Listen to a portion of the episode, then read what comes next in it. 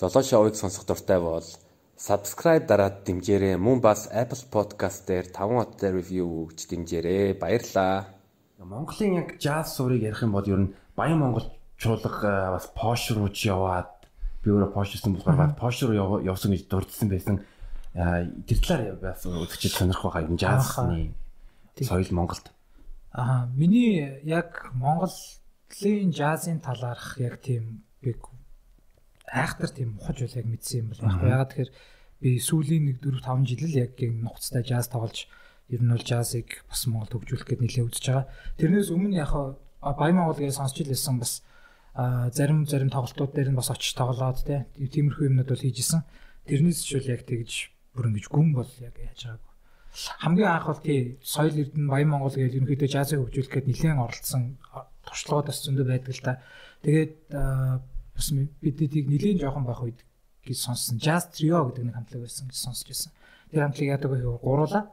А тэгээд яг одоогийн бас нэлийн юм агсан түвшний jazz тоглолдог байсан тэр үедээ. Тийм тэгээд а бас мэдээж амьдралын шаардлагаар юм уу юу гэнэ те ийш тийшээ сурахаар явцгаагаад тэгээд тоглохоо болсон гэж сонсч байсан. Зөв. Бас ингэж Fat Cat-ийн үүсний 2 жилийн ааг ингээ бодонгууд бас нэг ярих хэвээр сэдвүүг би юу гэж бодож байгаа гэвэл одоо Гёте сургуулийн одоо бас jazz хөгжмийг jazz хөгжмийг ингээд хөгжүүлэх хөгжүүлэх тэр тэр тусал нь өөрөө бас өөрөө бас тэр төслийн төгсөгч нэг Мартин Зенкер гэдэг хүний тухай бас дурдвал. Аа тийм. Одоо Монголын юу нь яг Монголын джазыг ярихын тулд эхлээд ямар ч байсан Мартин Зенкерийг ярихгүй болохгүй байдаг. Ягаад тэгэхээр 2012 онд Giant Steps Jazz гэж Монголд нөгөө нэг тийм jazz фестивал зохион байгуулагддаг байсан байхгүй. Тэрний 2012 оных нь аа яг тэр жил дээр нь Мартин өргөдөж ирсэн юм бэ байлаа. Тэрийг бас сайн мэдээгүй яг яаж ирснийг нь. Тэгэнгүүтээ ирчээд энд Германы элчингээс тусламж хүсээд бас Кётогоос тусламж хүсээд ер нь Монголд ийм jazz төсөл ер нь jazz project эхлүүлвэл яасан юм бэ гэсэн санаа Германы элчин болон хөгжимчин коллеж санал өргүүлсэн юм байлээ. Тэгээд тэр нь явсаар байгаад бас тэр чинь нэлээд хугацаа авч байгаа шүү. Тэгээд 2014 онд тэр нь шийдэгдээд хамгийн анхны Монголын одоо жаз сургалт яг мэрэгжлийн жаз сургалт хөгжимчин коллеж дээр нэг хоёр өрөө аваад тэр хоёр өрөөнд эхэлжсэн байхгүй 2014 онд. Тэр нь Гётагоос 100% дэмжлэгтэй болон Германы элчин Монголын хөгжимчин коллеж гэсэн гурван талаасаа дэмжлэгээр босоод а тэгээд хөгжимчин коллежийн хоёр өрөөг аваад тэр сургалт нь эхэлжсэн. Тэгээ Мартин болохоор ер нь хамгийн анх биднэрт одоо jazz гэж яг юу вэ гэж бүр яг жинхэнэ утгаар нь эхнээс нь ахуулж ингэ заасан хүн гэж хэлж болно тий. Одоо бид нар тэгж ярьдгийн зүгээр Монголын jazz godfather гэж ярьдаг аахгүй. Ер нь зөвлөдөө дээ. Ялцчихё. Тэгээ өөр айгу мундаг ус хөгжимчин бэс тоглооч. Тийм тэгээд э, зөвхөн Монголд биш Сөүлийн хөгжмийн их сургуулийн профессор.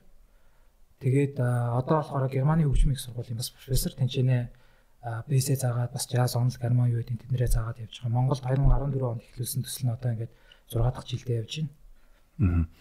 Тэгээд хонгор маань өөрөө бас jazz хөгжмөнтэй танилцаад 5 жил бол 4 5 жил болж байгаа гэж хэлж байгаа. Тэгээд яг яаж анх танилцаад тэгээд ерөнхийдөө би бас энэ trumpet trumpet гэдэг хөгжмийн төвсгийг jazz төрлөөр ер нь тоглож эхлэе гэж бод санаад өрсөе.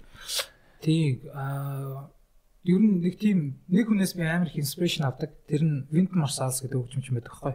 Яадаг вэ гэхээр өөрөө сонгодог хөгжим тоглолт сонг бас trumpet. Гэхдээ сонгодгийг нь ч джазыг нь ч туслаж тоглодог тийм хүн байдаг байхгүй. Тэгээд бид нар хөгжим мөчгт байхдаа яг би тэр хүнийг аягүй их сонсдог байжгаад тэгээд сүүлд нь яг 2014 онд тэр JMB гэдэг төсөл орж ирээд шалгалт авсан юм.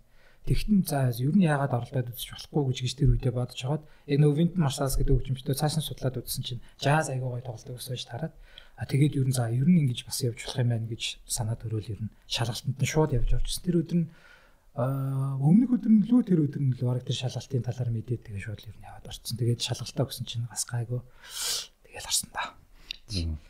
А тэгээд яг jazz хөгжимчингээ боллоо. Ингээд нь Jazz Train гэдэг хамтлаг үүсгэн байгуулсан. Тэгээд тэрний нэр нь яг ямар утгатай ягаад Jazz Train гэж болсон юм?